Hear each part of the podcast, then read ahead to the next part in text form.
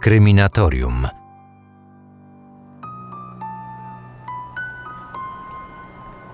Niedziela 26 maja 1828 roku. Mieszkańcy Norymbergi obchodzą właśnie zielone świątki. Z tego też powodu ulice miasta nie są tak gwarne jak zazwyczaj. Już od samego rana uwagę nielicznych w tym dniu przechodniów zwraca pewien nastolatek. Wygląda i zachowuje się dziwnie. Nikt go nie zna. Nikt go też wcześniej nie widział. Tajemniczy chłopiec w chwili przybycia do miasta w ręku trzyma stary, nędzny kapelusz. Jego podarta, chłopska odzież na tle odświętnie ubranych mieszkańców aż za bardzo rzuca się w oczy. Stopy ma poranione, pewnie przez te małe i podarte trzewiki na wysokim obcasie. Niezwyczajne są też jego ruchy. Wygląda na zagubionego, a chcąc iść, zatacza się jak małe dziecko, które dopiero uczy się chodzić. Do tego cicho sapie i jęczy. Kryminatorium. Otwieramy akta tajemnic. Zobaczcie, jaki obdarciuch. Od widoku tych włóczęgów robi mi się niedobrze. Czy nawet w tak ważne święto muszą oni wychodzić na ulicę i straszyć nas, porządnych obywateli, swoim wyglądem? Burmistrz powinien raz na zawsze coś z nimi zrobić. Trochę więcej współczucia wykazuje Georg Weichmann, miejscowy szewc, który podchodzi do chłopca, oferując mu swoją pomoc. Potrzebujesz pomocy? Czy ty jesteś chory, czy pijany? Chłopcze, czy z tobą wszystko w porządku? Co tam mruczysz pod nosem? Szewc nie może zrozumieć ani jednego słowa, które z wielkim trudem stara się wypowiedzieć przybysz. W końcu wyciąga przed siebie rękę. Trzyma w niej kopertę zaadresowaną do kapitana Weseniga. Widząc ten adres, szewc zabiera nieznajomego do domu oficera. Na miejscu okazuje się, że kapitana nie ma. Służba proponuje chłopcu jedzenie i picie. Ten jednak nie chce wziąć do ust ani piwa, ani kiełbasy. Zaczął jeść dopiero, kiedy postawiono przed nim żytni chleb i wodę. Kolejne porcje pochłaniał tak łapczywie, jakby nie jadł od co najmniej kilku dni. Po posiłku zaczął płakać, wskazując na swoje poranione stopy. Obecni przy nastolatku mężczyźni próbują z nim rozmawiać. Ten jednak na wszystkie zadawane mu pytanie odpowiada: Nie wiem. Każda dłuższa odpowiedź nie zostaje przez niego zrozumiana. Tylko jedno zdanie wypowiedziane przez chłopca jest bardzo wyraźne. Chcę być jeźdźcem, takim jak mój ojciec. Wzięty za osobę zupełnie dziką, umieszczony zostaje w stajni, gdzie natychmiast zasypia. Gdy kapitan wraca, dowiaduje się o zaadresowanym do niego liście. Każe przyprowadzić do siebie dziwnego gościa, po czym otwiera kopertę. Wielmożny panie kapitanie, posyłam panu chłopca, który chciałby królowi swemu wiernie służyć. Ten chłopiec podrzucony mi został w roku 1812 dnia 7 października. Ja sam jestem ubogim parobkiem i dzieci mam dziewięcioro do wyżywienia. Jego matka podrzuciła mi go do wychowania, ale o niej samej nic nie wiem. Wychowałem go jak syna po chrześcijańsku. Nigdy z domu nie wypuściłem, przez to on nie zna nawet miejsca, gdzie był. Czytać i pisać go nauczyłem. Odprowadziłem do miasta i rad jestem, żem go już sobie z karku zdjął. Kapitanie, nie pytaj go, gdzie mój dom. On drogi nie zna, bo go w nocy prowadziłem. Nazwiska swojego wyjawić nie mogę, gdyż bym pewnie został ukarany. Jeżeli go pan zatrzymać u siebie nie zechcesz, wtedy możesz go ściąć lub na kominie jakim powiesić. Koperta bez adresu nadawcy. Prócz notatki, że list wysłany został z bawarskiej granicy, zawierało jeszcze jedną kartkę. Jak zapewniał autor listu, były to słowa matki chłopca, które kobieta podrzuciła razem z dzieckiem. To dziecię jest już ochrzczone. Ma na imię Kasper. Nazwisko musisz nadać mu sam. urodził się 30 kwietnia 1812 roku. Ojciec jego był żołnierzem. Racz wychować chłopca, dopóki nie osiągnie 17 lat. Wtedy wyślij go do Norymbergi, do szóstego pułku lekkiej jazdy, bo tam służył jego ojciec. Ja jestem biedną wiejską dziewczyną, więc wychować dziecka nie mogę. Kapitan listy przeczytał, a chłopca obejrzał. Nie dowiedział się od niego niczego nowego, ponieważ nastolatek wciąż tylko powtarzał, że chce być jeźdźcem, jak jego ojciec. Oficer stwierdził, że nie zamierza mieć z nim nic do czynienia. Sprawę tej znajdy przekazał miejscowym stróżom prawa. Chłopca próbowało przesłuchać sześciu policjantów, z marnym skutkiem. Na wszelkie pytania odpowiadał nie wiem lub chcę do domu. Nie reagował praktycznie na nic, zachowując się przy tym, jakby był w transie. Ożywił się tylko raz, gdy dojrzał na biurku monetę. Bawiąc się nią, zaczął nagle powtarzać słowo koń. Jeden z policjantów wpadł wtedy na pomysł, aby dać chłopcu ołówek i papier. Ku zdziwieniu wszystkich, nieznajomy zapisał na kartce dwa słowa: Kaspar Hauser. Uznano, że jest to jego imię i nazwisko, i od tej pory zaczęto się tak do niego zwracać. Całkowicie pominięto fakt, że chłopiec swoje imię zapisał z błędem.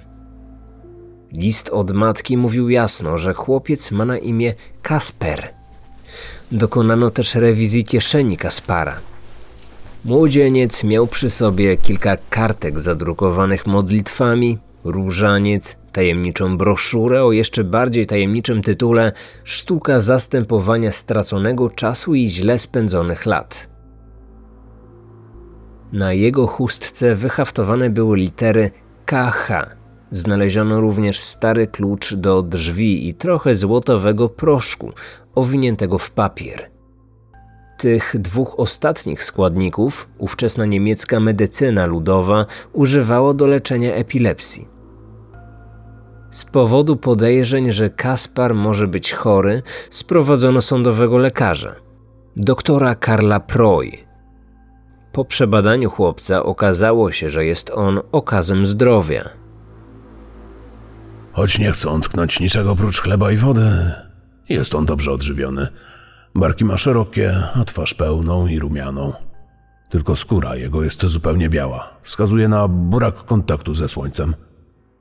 Niezdrowe zwyrodnienia stawów kolanowych są skutkiem zbyt rzadkiego ruchu. Znamie na prawym ramieniu odczytuje jako ślad po szczepieniu na ospę. W tamtych czasach podobnego szczepienia nie każdy mógł dostąpić. Taki sposób zapobiegania chorobie dostępny był wyłącznie elitom. Zaczęto więc podejrzewać, że chłopiec może mieć arystokratyczne pochodzenie. Wszyscy zaczęli się zastanawiać, kim tak naprawdę jest i skąd pochodzi Kaspar. Pytań pojawiło się więcej, gdy odkryto, że listy znalezione przy chłopcu, rzekomo pisane przez dwie różne osoby w odstępie 16 lat, w rzeczywistości wyszły spod ręki tego samego autora. W dodatku ich bogate słownictwo wskazywało, że nie mógł ich napisać ani ubogi parobek, ani biedna wiejska dziewczyna. Najdziwniejsza okazała się konkluzja lekarza, że Kaspar jest dzieckiem dzikim, samotnie wychowanym w lesie bez kontaktu z cywilizacją. Teza ta trafiła na podatny grunt, ponieważ coraz popularniejsza stawała się nowa romantyczna moda na mroczne i tajemnicze opowieści. Gdy chłopca zamknięto w miejskim areszcie, na jaw zaczęły wychodzić kolejne fakty związane z jego dziwnym zachowaniem. Gdy go do nas przyprowadzili, miał psychikę kilkuletniego dziecka. Nie znał ognia i uparcie szukał osoby po drugiej stronie lustra. Myślał, że wszystkie przedmioty żyją i strasznie cierpiał na widok zabijanych owadów. Nie znał poczucia wstydu, przez co bez skrępowania wypróżniał się przy innych ludziach. Chłopiec szybko stał się atrakcją publiczną. Każdy, kto chciał go zobaczyć, był bez przeszkód wpuszczany. Od wczesnego rana do późnego wieczora Kaspara odwiedzała towarzyska śmietanka Norymbergi. Zauważono, że chłopiec jest zdolniejszy niż do tej pory sądzono. Zdaniem lekarza chłopiec mówić potrafił już w dzieciństwie, teraz jedynie coraz więcej słów sobie przypominał. Szybko zaczął wypowiadać całe zdania, choć początkowo o sobie wypowiadał się wyłącznie w trzeciej osobie. Rysował przynoszone mu zabawki, z których jego ulubionymi były figurki koni. Najczęstszym zajęciem Kaspara było jednak siedzenie w bezruchu na podłodze, z wyciągniętymi do przodu nogami. W takiej pozycji potrafił spędzić całe godziny. W ciągu następnego miesiąca zasób jego słownictwa urósł na tyle, że Kaspar mógł zacząć wreszcie przedstawiać szczegóły ze swojej przeszłości, które dotąd owiane były tajemnicą. A im więcej mówił, tym większe wzbudzał zainteresowanie. Od zawsze byłem całkowicie sam, w małym pokoju pozbawionym okien, tak niskim, że mogłem tylko leżeć. Spałem na słomie, a ulżyć mogłem sobie do wiadra, które stało obok. Nigdy nie widziałem twarzy mojego strażnika. Gdy każdego ranka przynosił mi dzban wody i kawałek chleba, założony miał na głowę czarny worek. Czasami woda miała gorzki smak, a po jej wypiciu chciało mi się spać. Gdy się budziłem, Miałem zmienione ubranie, obcięte włosy i paznokcie. Zaznacza przy tym, że nigdy nie był chory, a ból poczuł tylko raz, gdy pewnego dnia narobił zbyt dużo hałasu. Wtedy nagle pojawił się jego strażnik i uderzył go kijem. Blizny po tym ciosie odkryto później w Norymberdze podczas badania chłopca. Krótko przed uwolnieniem Strażnik zaczął mnie uczyć czytać i pisać, i przez cały czas powtarzał zdanie: Chcę być jeźdźcem jak mój ojciec. Któregoś dnia założył mi niepasujące buty i nocą wyprowadził. Rankiem znalazłem się w waszym mieście, ale przebytej drogi nie pamiętam. Jego opowieści słuchano z ogromnym zainteresowaniem. Dla wielu osób historia chłopca wydała się jednak zbyt nieprawdopodobna, aby mogła być prawdziwa. Zastanawiano się, czy rzeczywiście jest on tym, za kogo się podaje. Zaczęły się również pojawiać głosy, że młodzieniec może być zwykłym oszustem – Oliwy do ognia dolał sam burmistrz Norymbergi, który w publicznym obwieszczeniu potwierdził historię chłopca więzionego od urodzenia w straszliwych warunkach i całkowitym odosobnieniu. Oficjalne ogłoszenie miejskich władz czyni z Kaspara gwiazdę. Wkrótce jego tragiczna przeszłość znana jest nie tylko w Norymberdze, ale i w całym kraju. Gdy wieści o nim docierają do innych krajów, chłopca zaczyna się nazywać sierotą Europy. O jego losie ludzie dyskutują na ulicach, a historia tej znajdy szybko staje się głównym tematem rozmów podczas wszelkich spotkań towarzyskich. Zdania wśród mieszkańców są jednak mocno podzielone, co czasami prowadzi nawet do kłótni. Biedne dziecko, nie wyobrażam sobie, że można tyle wycierpieć. Jakim trzeba być człowiekiem, aby przez tyle lat trzymać w zamknięciu tak bezbronną istotę? Straszna historia, ale myślę, że nieprawdziwa. Nie można przeżyć tak długo tylko o chlebie i wodzie. Ten włóczęga na pewno zmyśla. Jak możesz być tak nieczuły? Przecież to takie same boskie stworzenie jak my. Trzeba biedakowi współczuć. Współczuć. Mam się litować nad zwykłym oszustem, który szuka rozgłosu. Bez urazy, ale pani jest jeszcze młoda, a więc, co zrozumiałe, pełna naiwności. Ja już swoje przeżyłem i wszystko widziałem. Kłamców z daleka poznam. Tak łatwo omamić się nie dam.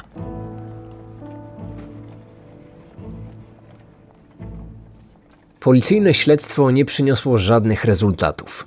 Znaleźli się jednak tacy, którzy za wszelką cenę dążyli do odkrycia prawdy o budzącym powszechne zainteresowanie nastolatku. Jak podkreślił dziennikarz Piotr Bożejowicz z Rzeczpospolitej, żarty się skończyły, gdy w życie chłopca nagle wdarła się wielka polityka. Kilka wpływowych osób dopatrzyło się fizycznego podobieństwa chłopca ze zmarłym przed 10 laty wielkim księciem Badenii Karolem Ludwikiem. Jego jedyny syn i następca tronu umarł w kołysce jesienią 1812 roku, trzy tygodnie po narodzeniu. Gdy na scenie pojawił się Hauser, w Badenii panował następca Karola Ludwika, Ludwik I.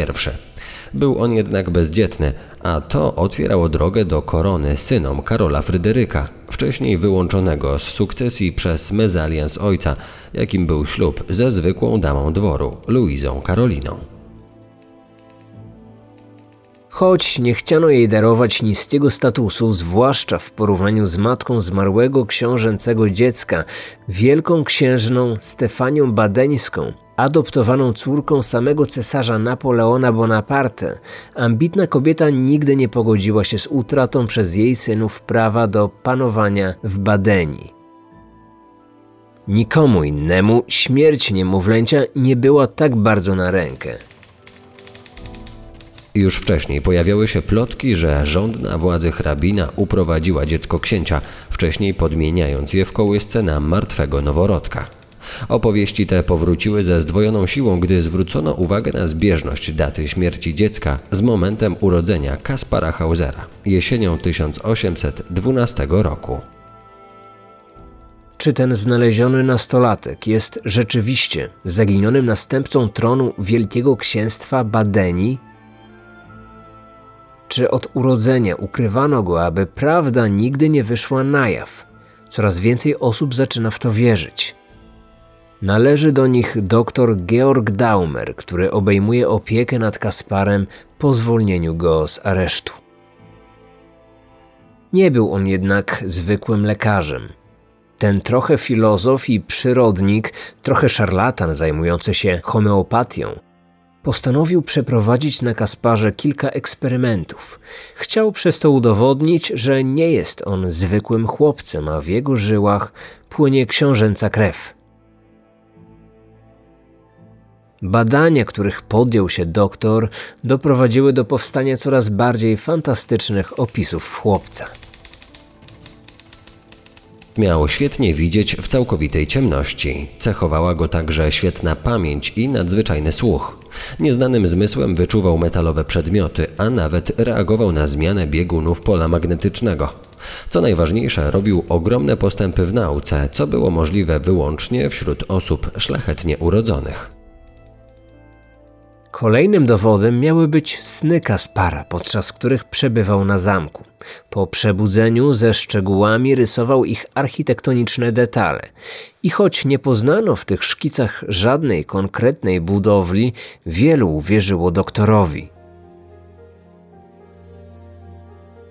Te szybkie postępy w dalszej edukacji pozwoliły lekarzowi zachęcić Kaspara do spisania autobiografii – Chłopiec potwierdził w niej, że życie spędził w pozbawionym światła niewielkim pomieszczeniu. Za towarzystwo służyły mi tylko dwa drewniane koniki. W noże tej nie mogłem rozpoznać ani dnia, ani nocy.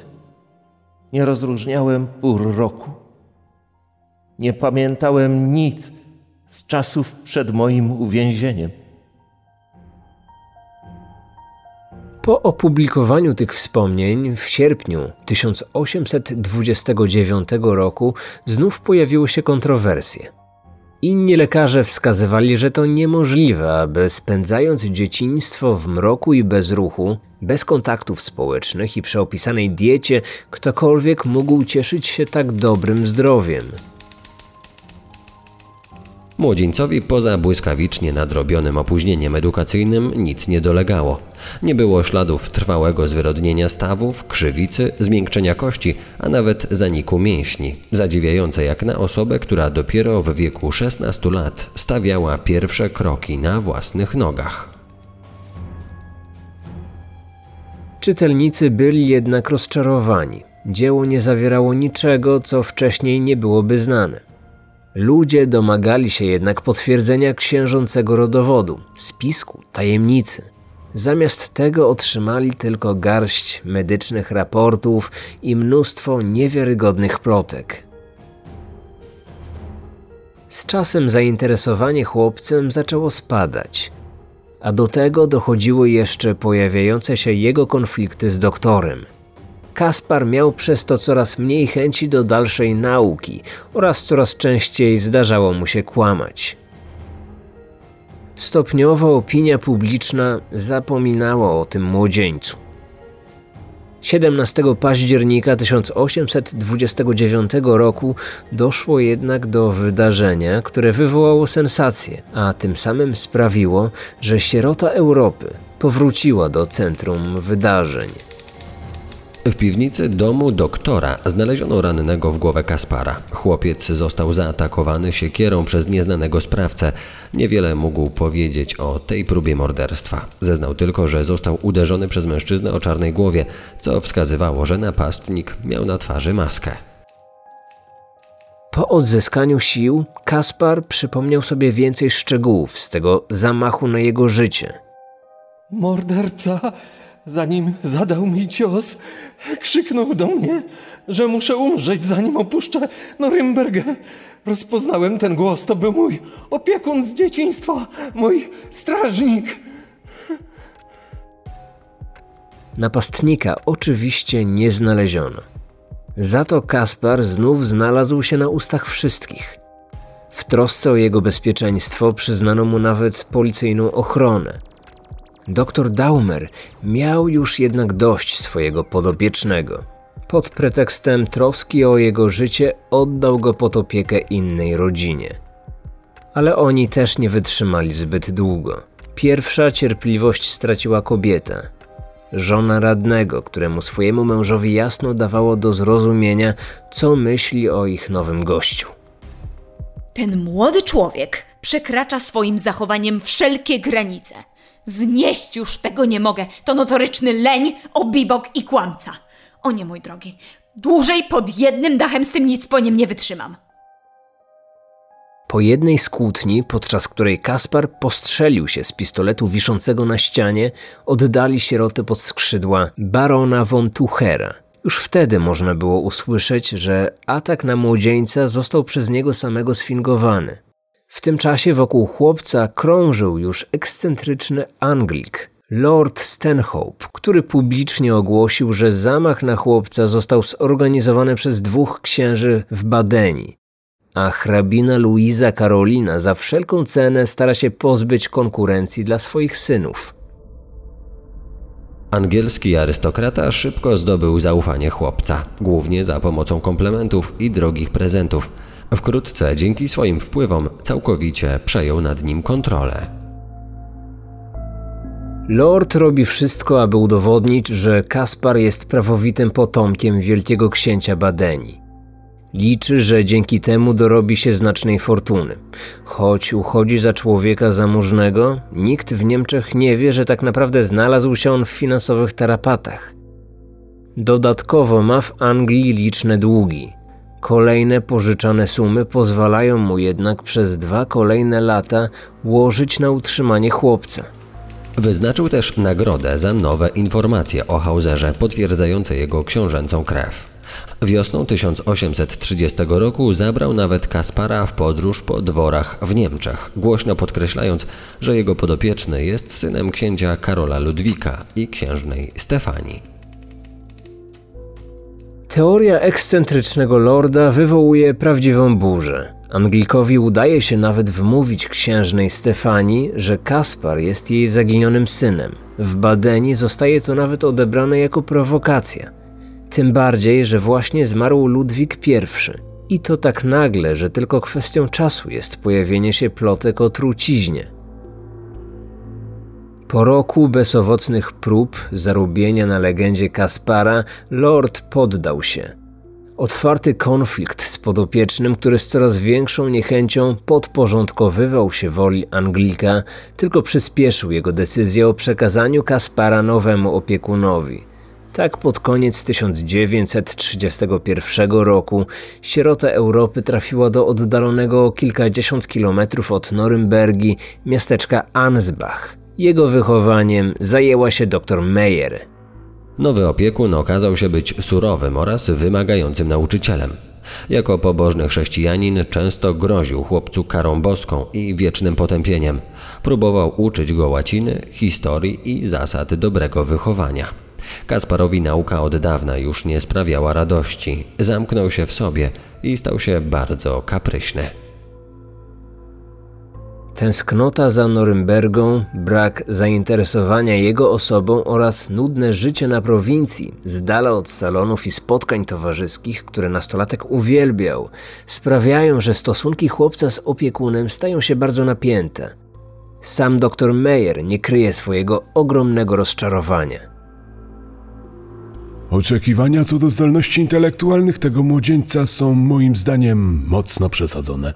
Wbrew temu, co mi o nim opowiadano, jego zdolność pojmowania nie jest wyższa niż u ośmioletniego dziecka. Obserwacje żony doktora są zadziwiająco zbieżne ze zdaniem, jakie o chłopcu mieli jego poprzedni opiekunowie. Wszystkie twierdzenia o jego talentach i umiejętnościach okazały się jedynie bezpodstawnymi wymysłami. Jedyne, co go cechowało, to patologiczna skłonność do kaprysów, lenistwa i notorycznych kłamstw. Z końcem roku 1933 Kaspar staje się wyjątkowo podekscytowany. 14 grudnia udaje się do miejskich ogrodów.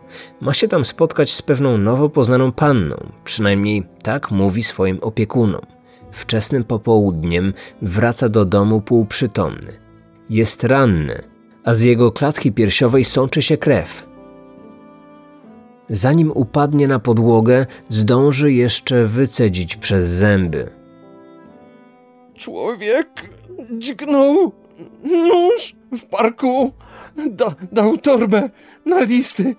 Idźcie tam, szybko. Policjanci natychmiast udają się we wskazane miejsce, gdzie znaleziono porzuconą torbę. Z jej środka wyjmują list sporządzony pismem lustrzanym. Treść wiadomości jest jednak bardzo enigmatyczna. Hauser będzie mógł Państwu powiedzieć, jak wyglądam, skąd pochodzę i kim jestem. Aby móc to ułatwić, przekazuję te informacje sam. Jestem z. na granicy bawarskiej, nad rzeką. Zdradzę nawet nazwisko. MLY. Treść listu nie pomogła w ustaleniu tożsamości sprawcy. Wszystkie ważne nazwy własne zostały zastąpione przez nic nie mówiące kreski. Nie udało się również rozszyfrować inicjałów autora. Kaspar po odzyskaniu przytomności twierdził, że zaatakował go ten sam mężczyzna, który już wcześniej dokonał zamachu na jego życie. W parku zwabił go obietnicą powiedzenia prawdy o jego matce, po czym wyciągnął nóż, zadając mu cios. Jednak ustalenia policjantów nie potwierdzały wersji Kaspara. List złożony był w trójkąt. Dokładnie w taki sposób swoje listy składał wcześniej Hauser. Pismo zawierało charakterystyczne dla Kaspara błędy gramatyczne i ortograficzne. W miejscu, w którym został on zaatakowany, na śniegu znajdowały się wyłącznie ślady jednej osoby i należały one do ofiary. Nie znaleziono również żadnych naocznych świadków tego ataku. Śledztwo doprowadziło do przekonania, że Kaspar sam się okaleczył, a cały zamach został przez niego sfingowany. Zapytany o to Kaspar stanowczo zaprzeczył. Choć zdaniem lekarzy rana, którą odniósł, nie zagrażała jego życiu, niespodziewanie 17 grudnia, po trzech dniach spędzonych w łóżku, Kaspar zmarł. W chwili swojej śmierci miał 21 lat. Zanim się to stało, zdołał jeszcze wypowiedzieć swoje ostatnie zdanie. Wiele kotów to śmierć dla myszy. Zmęczony, bardzo zmęczony. Trzeba jechać w długą podróż. Żadna z obecnych przy nim osób nie miała pojęcia, co miał na myśli. Trzy dni później został pochowany na cmentarzu miejskim w Ansbach. W ostatniej drodze towarzyszył mu ogromny tłum ludzi. Na jego nagrobku wyryto łaciński napis. Tutaj leży Kaspar Hauser, zagadka swoich czasów. Jego narodziny były nieznane, a śmierć tajemnicza. Rok 1833. W miejscu, gdzie miał zostać zaatakowany i śmiertelnie zraniony, ustawiono pomnik. Napis na nim głosił: Tutaj nieznany został zabity przez nieznanego. Historia tajemniczego podrzutka nie umiera wraz z nim, wprost przeciwnie. Z upływem lat obrasta ona wieloma mitami i legendami. Na początku panuje przekonanie, że Kaspar został zabity, ponieważ był potomkiem badeńskiego rodu panującego. Pogląd ten zostaje jednak zakwestionowany przez niemieckich historyków w drugiej połowie XIX wieku. Zaczęto wtedy uważać, że został on zamordowany nie dlatego, że był księciem, a dlatego, że ktoś pomyślał, że mógłby nim być. Pod koniec XX wieku do głosu dochodzą przeciwnicy teorii spiskowych, uważający całą historię za sprytną mistyfikację lub zbyt wyolbrzymiony zlepek przypadkowych plotek. Sprawą zajmuje się nawet znany niemiecki psychiatra Karl Leonard, który w sierocie Europy widzi jedynie zręcznego oszusta. W naszych czasach, kiedy nauka i medycyna stoją na wyższym poziomie niż wtedy, powinniśmy przestać traktować historię Kaspara jako prawdziwą. W warunkach, w których rzekomo spędził dzieciństwo, nie przeżyłby zbyt długo. Jego opowieści same w sobie ukazują bardzo rażące niespójności. Zastanawiać może tylko jedno: jak to możliwe, że ktokolwiek uwierzył w to, co o sobie opowiadał?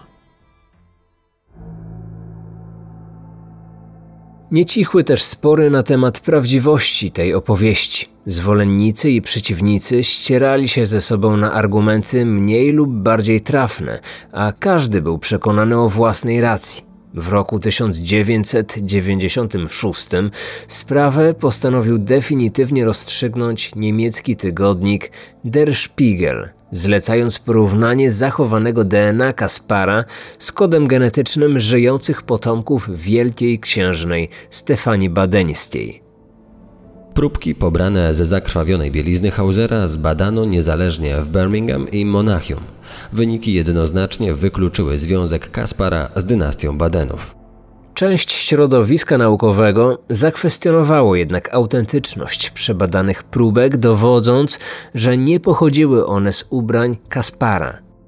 Sześć lat później badania powtórzono. W roku 2002 pobrano sześć nowych próbek, m.in. z zachowanego kapelusza, spodni i włosów chłopca, przechowywanych do tej pory w jednej z prywatnych kolekcji. Wyniki ani nie potwierdziły, ani nie zaprzeczyły niczemu.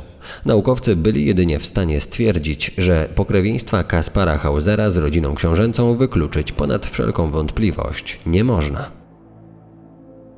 Historyk i wykładowca na Uniwersytecie Harwardzkim Jeffrey Mason, który przez wiele lat badał przypadek sieroty Europy, wnikliwie przestudiował wszelkie możliwe publikacje, próbując rozwikłać zagadkę podrzutka z Norymbergi.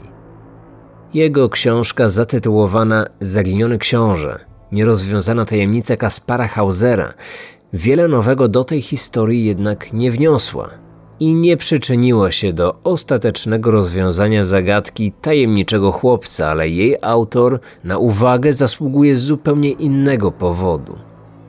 Otóż, jak sam skrupulatnie wyliczył, na temat Kaspara opublikowano już ponad 3000 książek i przeszło 15 tysięcy naukowych artykułów.